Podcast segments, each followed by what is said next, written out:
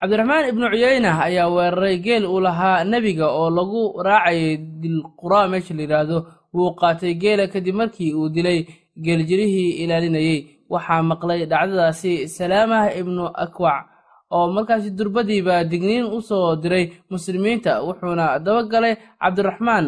Wuxuu la dhacay gammuun ilaa uu markaasi ka soo badbaadiyey geela iyagana ay lafahoodii ula baxsadeen oo ay carareen nebiga iyo muslimiinta markii ay goobta soo haleeleen waxa ay markaasi la kulmeen salaamah oo geel la soo markaasi noqday oo ka soo dhiciyey cadowgii. Nebiga waa uu ugu hambaliyey salaamah arrinka waxa uuna ku yidhi hashayda ila soo raac oo ila soo kor. Isagoo markaasi ku karaameynaya dadaalkii uu sameeyey awgeed ee wanaagga badnaa iyo geelii nebiga oo uu ka soo dhiciyey cadowgii furtay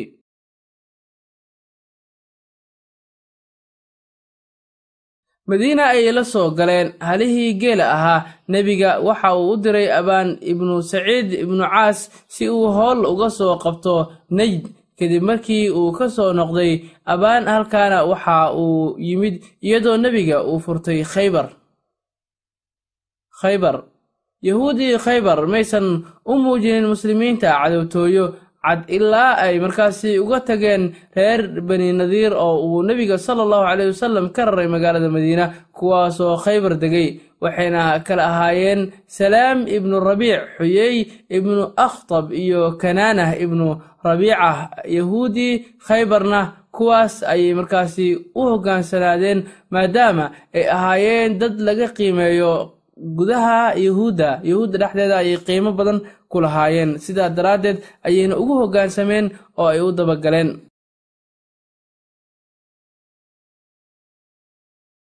Yahuudii khaybar waxa ay u babacdhigeen in ay dagaal la galaan muslimiinta iyagoo dhagar iyo aargoosi raba. Waxa ay u istaageen in dowr cad ay ka ciyaaraan la dagaalanka muslimiinta iyo ururinta ciidamo ayagoo ka faa'iidaysanaya xiriirkii ay la lahaayeen reer bani qurayda si ay muslimiinta dhabarka uga jebiyaan khaybarna waxa ay noqotay meel ay muslimiinta khatar badan ay uga timaado.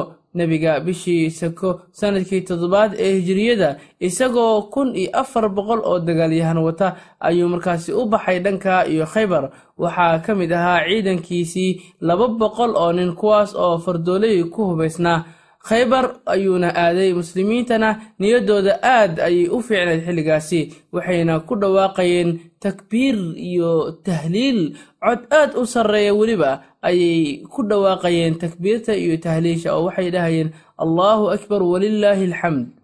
Markaas ayuu nebiga ku yidhi allah aad markaasi baryaysaan ama aad u dhawaaqaysaan waa maqli badan yahay waana uu idiin dhow yahay wuuna idinla jiraa muslimiinta waxay mareen fangorta la dhaho wadaac kadibna zaqaabah naqmaa mustanaaq casr sahbaa ugu dambayntiina waxa ay gaareen meesha la yidhaahdo qarsah.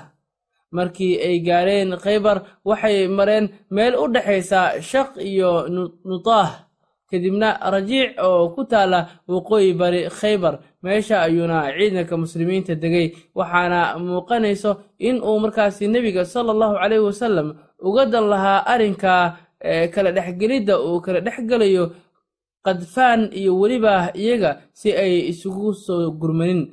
Markii ay degaayeen muslimiinta khaybar waxa ay ahayd xilli salaad subax ah. Waa ay aadaameen salaaddii ayayna dukadeen qoraxda markay soo baxday kadibna weerar ayay ku bilaabeen beeralayda khaybar. Waxaa lama filaan ku noqotay muslimiinta waxa ay ku qeeliyeen moxamed iyo ciidankiisa. Rasuulkana waxa uu yidhi alle ayaa weyn khaybar way markaasi qarribantay.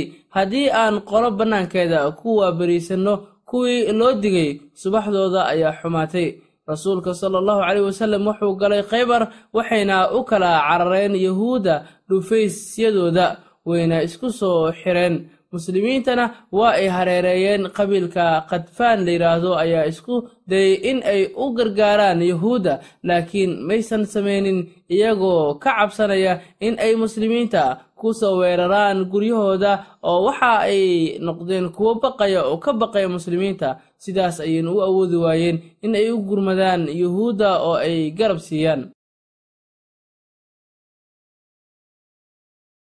Muslimiintu waxay bilaabeen go'doomin in ay ku sameeyaan khaybar. Labadii maalin ay ugu horreysay calanka muslimiinta waxaa waday abubakar waxayna la kulmeen muslimiinta iska caabin aad u adag awoodna uma yeelan in ay furtaan dhufayska labada maalin nebiga ayaa yidhi berri waxaan calanka u dhiibayaa nin jecel alleh iyo rasuulkiisa iyagana ay jecel yihiin isaga oo aan soo laaban doonin asaga oo khaybar furta mooye. Markii uu salaada subax tukaday nebiga sala allahu caleyh wasalam maalinkii saddexaad waxa uu u yeeray cali bin abi taalib.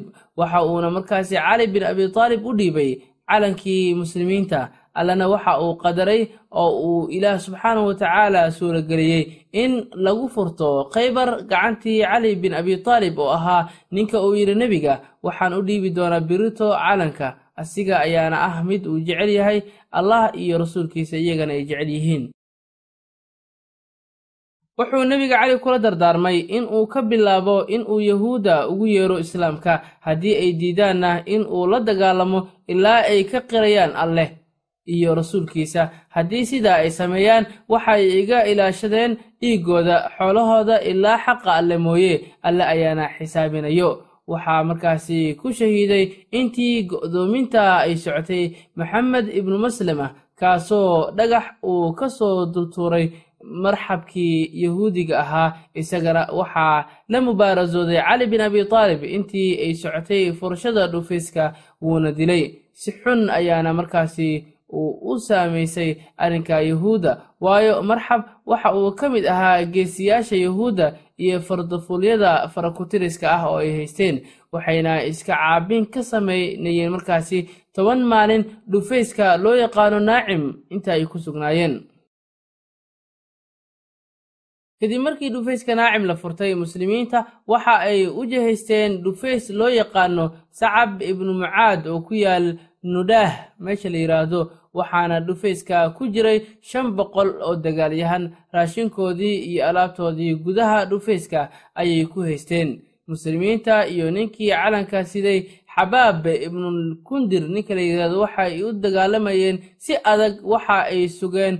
Go'doominta ay ku hayeen yahuudda saddex maalin ayay socotay iska caabintoodii ka hor. Inta aan la furanin kadib muslimiinta waxa ay ka qaniimaysteen raashinkii iyo alaabtii tirada badnaa oo ay dhufayska ku haysteen. Dhufayska zubayr ayaa ahaa dhufayskii ugu dambeeyey ugunaha markaasi adkaa intii horay u joogtay iyo intii kalena isaga ayay isugu yimaadeen oo ay ku soo urureen si ay u furtaan. Dagaal culus ayaana dhacay muslimiinta ayaa go'doomiyey kana jaray biyaha waxayna ku qasbeen in ay ka soo baxaan dhufayska waxaana laga diray toban dagaalyahan ka hor intaa aan la qabsan dhufayska saddex maalin kadib markii ay go'doominta ku bilaabatay markii ay muslimiinta ka soo farxasheen nutaah waxa ay u soo guureen mansilah meel la dhaho. Niyadda ayaana markaasi u dhisantay kadib markii guul ay gaareen. Yahuudda niyadjab badan ayay markaasi ku dhacday iyo argagax. Sidoo kalena quus waxa ay indhahooda ku arkeen nutaah oo dhufaysyadeedii ugu habboonaa ka mid ahaa oo lagu hoobanayo intaa kadib muslimiinta waxa ay u jihaysteen shaq oo ka tirsaneed iyadana khaybar sidoo kalena ay ku yaaleen dhowr dhufays oo yahuudda ay lahaayeen. Dhufaysyadii ugu adkaa ee yahuudda waa laga soo gudbay kuwii kale ayaana loo sii gudbay.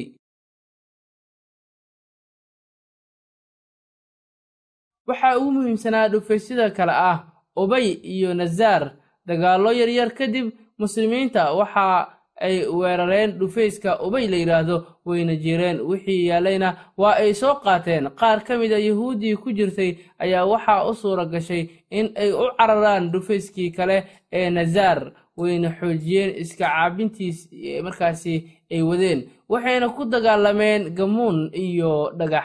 Laakiin maysan sii adkaysanin allana muslimiinta ayuu guusha siiyey sidii ayuu suuragal ku noqday in ay cararaan waxay aadeen dhufays kale oo loo yaqaanay markaasi qamuus oo ahaa dhufays adag. Qaarkoodna waxa ay galeen dhufaysyo la dhaho markaasi watiix iyo salaalim. Muslimiintana way go'doomiyeen muddo afar iyo toban maalin ah ilaa ay markaasi ka dalbadeen heshiis iyagoo dagaal markaasi awood aan u hayn dagaalkii ugu dambeeyey oo yahuudda khaybar lala galo waxa uu ahaa dagaalkii ka dhacay dhufayska nazaar. Intaa kadib wax iska caabin ah maysan samaynin waxayna ku gaabsadeen in ay markaasi qalcadaha gudahooda isku difaacaan. Mar kastana waxa ay ahaayeen kuwo heshiis dalbanaya. Yahuuddii ku jirtay dhufaysyada wadhiix iyo salaalim waxa ay yaqiinsadeen in aysan iska caabin waxba u tareenin kadib markii ay furteen dhufaysyadoodii waqooyi shaq iyo weli khamuus. Markaase waxay weydiisteen nebiga sala allahu caleyhi wasalam in uu qafaasho keliya dhiigoodana ilaaliyo. Nebigana waa uu ku waafaqay khaybar oo dhanna sidaa ayay u soo gashay gacantii muslimiinta iyadoo dhammaystiran oo dhufaysyadii ugu dambeeyey raggii ku jiray ayaaba waxa ay isku dhiibeen muslimiinta iyagoo dalbanaya in aan la dilin ee la qafaasho oo keliya. Sidaas ayay khaybarna gacanta ugu gashay muslimiinta. Muslimiinta markay ka soo dhammaadeen khaybar waxaa maqlay arrinka yahuudii deganeed fadag alle ayaa qalbiyadoodii argagax ku riday. Nebiga ayay fariin u soo direen ayagoo ka dalbanaya heshiis ah in uu ilaaliyo dhiiggooda iyagana ay taa beddelkeeda ka tanaasulaan hantidooda. Nebigana waa uu ku waafaqay. Intaa kadib muslimiinta waxa ay hareereeyeen waadilqura way isdhiibtay waadigii dadkii ku noolaa qaniimo badan ayayna ka heleen muslimiinta.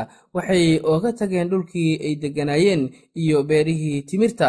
Waxayna kula markaasi dhaqmeen sidii khaybar loola dhaqmay oo kale. Waxaa la mid ahaa iyagana taymaa intii dagaalada ay ka jireen muslimiinta oo ay kula jireen qolyahaasi munaafiqiinta yuhuudda iyo gaalada isugu jiray. Waxaa ka heshiiday dhanka muslimiinta ilaa iyo labaatan nin oo ka mid ahaa saxaabadii rasuulka sala allahu caleyhi wasalam yuhuuddana waxaa kaga dhintay saddex iyo sagaashan nin iyagoo ka dagaalamayay dhufays gudihiisa. Muslimiintii ay meel bannaan ah joogeenna intaa yar unbaa ka dhimatay. Furashada khaybar fadag wadilqura iyo taymaa waxa ay markaasi ka dhalisay jasiiradda carabta baqdin aad u badan oo ay qabaan dhammaan qabiilada carabta. Sida biriq ku duldhacday oo kale ayayna ku noqotay iyagoo dhufaysyo adag markaasi lahaa hanti ku filan haysta iyo weliba ciidan dagaal markaasi geli kara. Carabtana waa ay la socdeen xaalka. Wayna ku weerareen sida xaalku uu u socday ayayna ku wareereen oo welwel badan ayay ka muujiyeen. Waxayna ka rajo dhigeen in muslimiinta iyo ciidankoodii ay ka hortagaan oo ay la dagaalamaan. Ciidankoodana in laga takhalluso ayay ka baqeen arrimahaas oo dhan waxay sabab u noqdeen in ay isbeddelaan meelaha laga taagnaa muslimiinta. Sidaa daraaddeedna qabiilada oo dhan ayaa waxa ay dalbadeen in ay muslimiinta la heshiiyaan waxayna ogaadeen inaysan faa'iido ka gaaraynin in ay la dagaalamaan islaamka. Arrintana waxa ay dacwada u suura gelisay in ay si baaxad weyn u faafto kuna faafto dhammaan daafaha jasiiradda carabta. Muslimiinta sharafkoodiina waxa uu noqday mid kor u kaca oo sare mara. Sidoo kale waxaa siyaaday oo qiimo yeeshay dhaqaalihii muslimiinta. Waxaana soo degay aayado qur'aan ah oo ka hadlaya arrimaha la xiriira sida loo qaybinayo qaniimooyinka iyo waxyaabaha laga soo furto gaalada. Ilaahi subxaanahu watacaala wuxuu yidhi sayaquulu lmukhallafuuna ida inطalaqtum ilaa maqaanima lita'khuduuha lita'khuduuha daruuna natabickum yuriiduuna an yubadiluu kalaam allah qul lan tattabicuuna kadalikum qaala allahu min qabl fasayaquuluuna bal taxsuduunana bal kaanuu laa yafqahuuna ila qaliila imaatinkii jacfar maalinkii la furtay khaybar waxaa u yimid nebiga sala allahu calayhi wasalam jacfar ibnu abi taalib radia allaahu canhu wuxuuna ka dhunkaday labadiisa indhood dhexdooda wuxuuna yidhi ma garanayo waxa aan ku farxo maanta. Ma jacfar imaatinkiisa ayaan ku farxaa mise furashadii khaybar ayaan ku farxaa nebiga sala allahu caleyhi wasalam ayaa u diray iyaga cumar ibnu umayah addimyari. Kadibna najaashi ayaa laba doomood ku soo qaaday waxayna u soo noqdeen madiinatul munawara oo halkaas ayay yimaadeen. Xilligii la soo furtay kheybar ayayna ku soo beegmeen taasoo ka dhigtay in nebiga uu kala garan waayo inuu ku farxo furashadii kheybar iyo imaatinkii jacfar ibnu abi taalib markay imaanayeen wuxuu nebiga ku sugnaa khaybar. Dadka soo noqdayna waxaa ugu cadcadaa jacfar iyo xaaskiisii asmaa bintu cumays iyo cunugiisii kaasoo lagu dhalay dhulkii xabashida. Tiradooduna waxay ahayd toban nin. Inta kale markaa kadib ayay markaasi imaadeen. Tiradoodana waxay ahayd oo ay gaaraysay intii timid jacfar kadib afar iyo soddon nin. Kadib markii uu nebiga ka soo farxashay dhufaysyadii khaybar ayaa waxaa shirqool u dhigtay haweeney yahuudiyad ah zeynab bintu xaarith oo ahayd haweenaydii uu qabay salaam ibnu maskax ayaana u keentay waxay u keentay islaantaasi ri' la solay laakiin sumaysan. Horay ayay u weydiisay xubinka uu u jecel yahay nebiga sala alla ly waxaana loo sheegay garabka markaasi ka soo badisay garabka sunta. Kulina way soo sumaysay kadibna way u keentay halka sunta ay ku badneedna garabka ayuu ahaa markii ay nebiga hortiisa soo dhigtay hilibka ayuu nebiga qaatay garabka. Wuu goostay laakiin ma uusan liqin. Waxaa la socday bish ibnu barra oo isagana qaatay. Laqayna hilibkii afkiisa galay laakiin rasuulka sal ly salam wuu tufay. Wuxuuna yidhi laftan waxay ii sheegaysaa in la soo sumeeyey.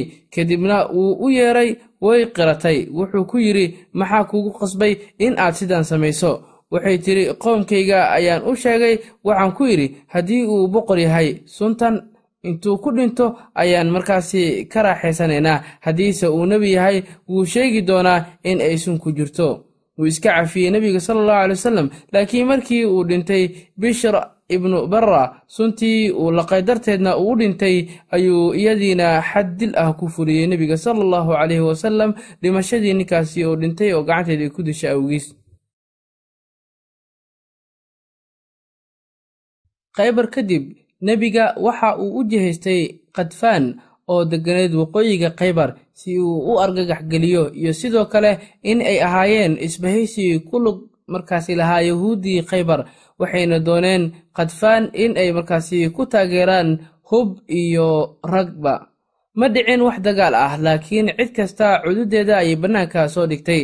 Markii uu nebiga sala allahu caleyhi wasallam u soo noqday madiina xilliga khayluulada ayuu nebiga sala allahu caley wasalam geed hoostiisii seexday. Seeftiisiina geedka ayuu suray si uu u nasto markaasi. Ciidanka muslimiinta halkii ay degganaayeen ayaa waxaa u soo dhuuntay mid ka mid ah dadkii reer baadiyaha ahaa ee meelaha ka dhowaa ilaa uu ka soo gaaray geedkii uu nebiga sala allahu caleyhi wasalam hoostiisa jiifay. Wuxuuna qaatay ninkii reer baadiye ahaa durbadiiba seeftii geedka u surnayd nebiga wuu soo kacay. Reerbaadiyihii ayaa yidhi yaa iga kaa celinaya? Nebiga ayaa yidhi allaah. Seefta ayaa ka dhacday. Gacantii midkii reerbaadiyaha ahaa nebigana wuu ka indhalaabtay oo muusan markaasi ciqaabin. Waxaa soo degtay aayad qur'aanka ah ee odhanaysa yaa ayuha aladiina aamanuu dkuruu nicmat allahi calaykum. Id hamma qowmun an yabsutuu ilaykum aydiyahum fakafa aydiyahum cankum waataquu allah wacala allahi falyatawakkal ilmu'minuun khaybar iyo cumradii qallaada intii u dhexaysay markii laga soo gudbay khaybar oo aan la gaarin cumradii qallaada ayaa waxaa dhacay dhacdooyin kale oo muhiim ahaa. khaybar kadib ayaa nebiga waxa uu diray cumar ibnualkhadaab radiallaahu canhu soddon nin oo fardooley ah ayaa la socotay cumar bin khadaab radiallaahu canhu waxayna aadeen trib oo ah meel ku dhow daa'if markii ay ogaadeen hawaasim in cumar uu u soo socdo way ka carareen goobtii ay ku sugnaayeen. Cumar ayaa asxaabtiisa la soo noqday dagaal la'aan iyagoo markaasi ah waxayna dhacday bisha shacbaan sannadkii toddobaad ee hijiriyada dhacdadaasi. Isla wakhtiga nebiga sala allahu caleyhi wasalam waxa uu diray abuubakar allaha ka raali noqdee waxa uuna u diray abubakar reer fasaarah oo degganaa najd meesha la yidhaahdo wuu weeraray abuubakar iyo ciidankii la socday halkii loo diray ayayna weerarkaasi ku qaadeen. Waxna wuu ka dilay waxna wuu ka soo qaqabtay oo dadkii qaar buu nolosha ku soo qabtay. Qaarna waa uu dilay markii uu weeraray najd meesha la yidhaahdo abubakar sidoo kale waxa uu sameeyey markii dhacdadaasi dhacday waxa uu ku soo laabtay magaalada madiina oo markii hore uu ka baxay. Nebigu waxa uu diray bashiir ibnu sacad reer murrah oo ku sugan fadeg meel la dhaho ayuuna u diray waxaana la socday soddon nin.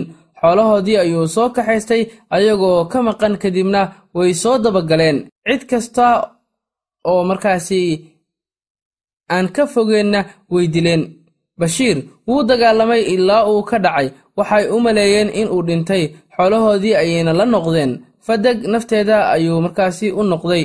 Maalmo ayuuna ku sugnaa ilaa dhaawiciisii uu ka bogsooday kadibna wuu u soo noqday madiina. Sidoo kale nebiga waxa uu u diray xirqah oo juhaynah ka tirsanaa qaalib ibnu cabdilaahi waxaana la socday boqol iyo soddon fardooley ah oo uu ka mid yahay usaamah ibnu zayd. Subax aroor ah ayayna markaasi dagaal ku qaadeen.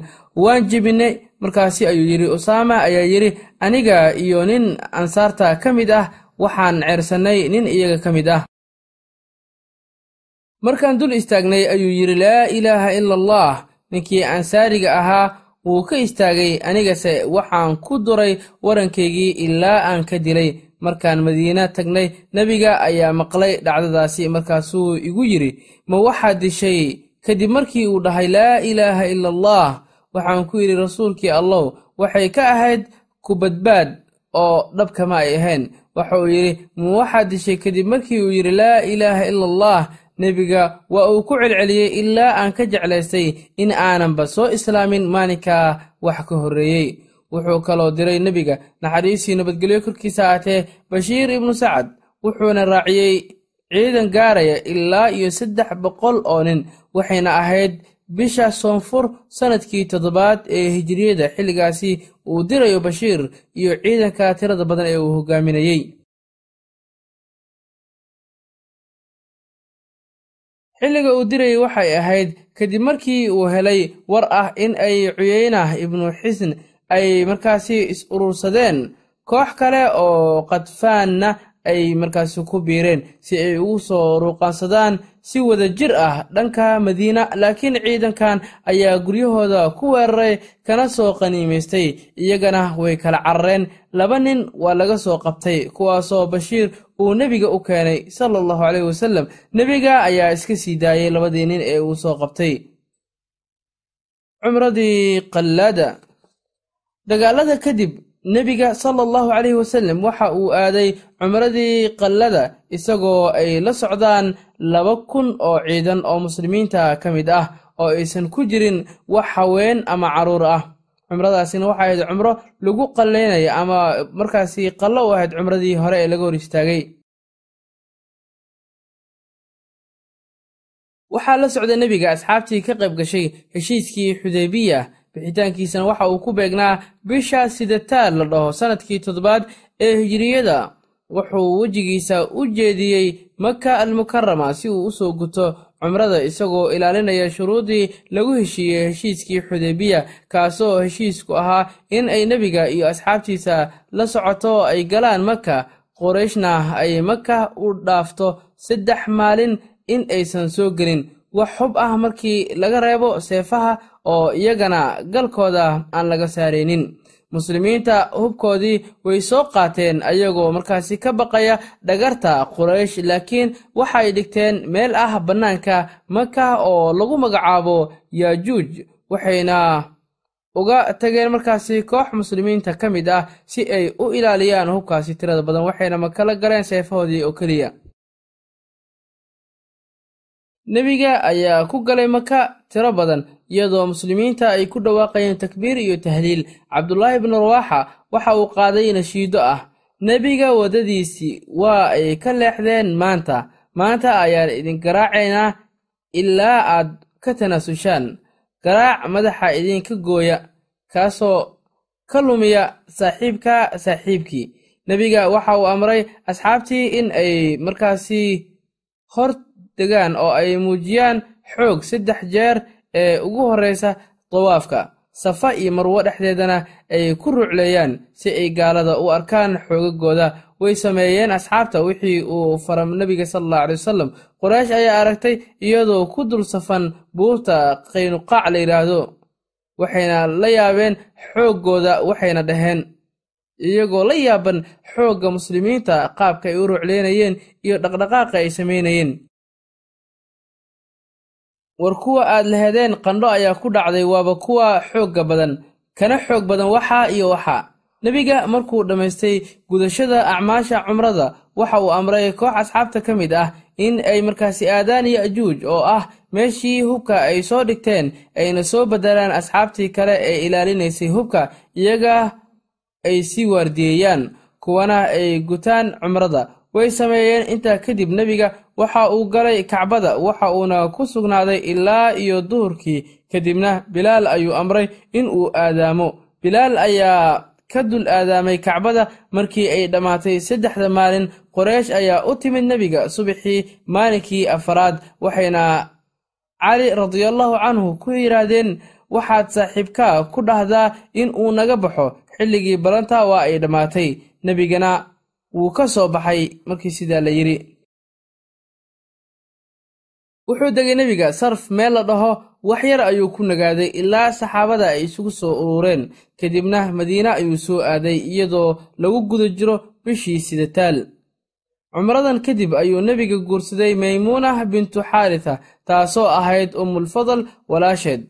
Xaaskii nebiga adeerkii cabbaas markii nebiga uu doonay in uu markaasi ka soo baxo maka waxaa soo raacday gabar yar oo la odhan jiray camaarah bintu xamsa iyadoo dhehaysa adeerow adeerow. Cali ayaa soo qaaday wuxuuna u dhiibay faatima. Waxaa ku wada dooday gabadhaasi yar cali zayd iyo jacfar. Cali ayaa waxa uu yidhi gabadhan yar aniga ayaa soo qaaday waana gabadhii adeerkay. Jacfar ayaa yidhi waa gabadha adeerkay habaryarteedna waa xaaskayga. Zayd ayaa yidhi waa gabadha walaalkay. Sidaas ayayna ugu doodeen saddexdoodii.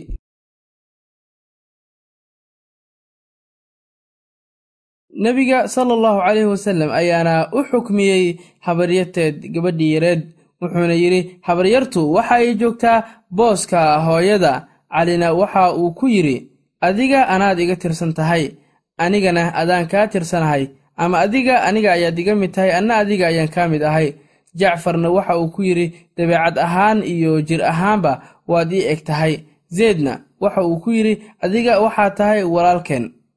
Waxaa ku soo degay aayado qur'aan ah oo ka hadlaya cumradii markaasi qallada ahayd oo uu aaday nebiga sala allahu calayhi wasalam aayadihii qur'aanka ay ku soo degay waxaa ka mid ahaa laqad sadaqa allahu rasuulahu alru'ya bilxaqi latadkhulanna almasjid alxaraami in shaaa allahu aaminiina muxalliqiina ru'uusakum wamuqasiriina laa takhaafuuna facalima maa lam taclamuu fajcala min duuni dalika fatxan qariiba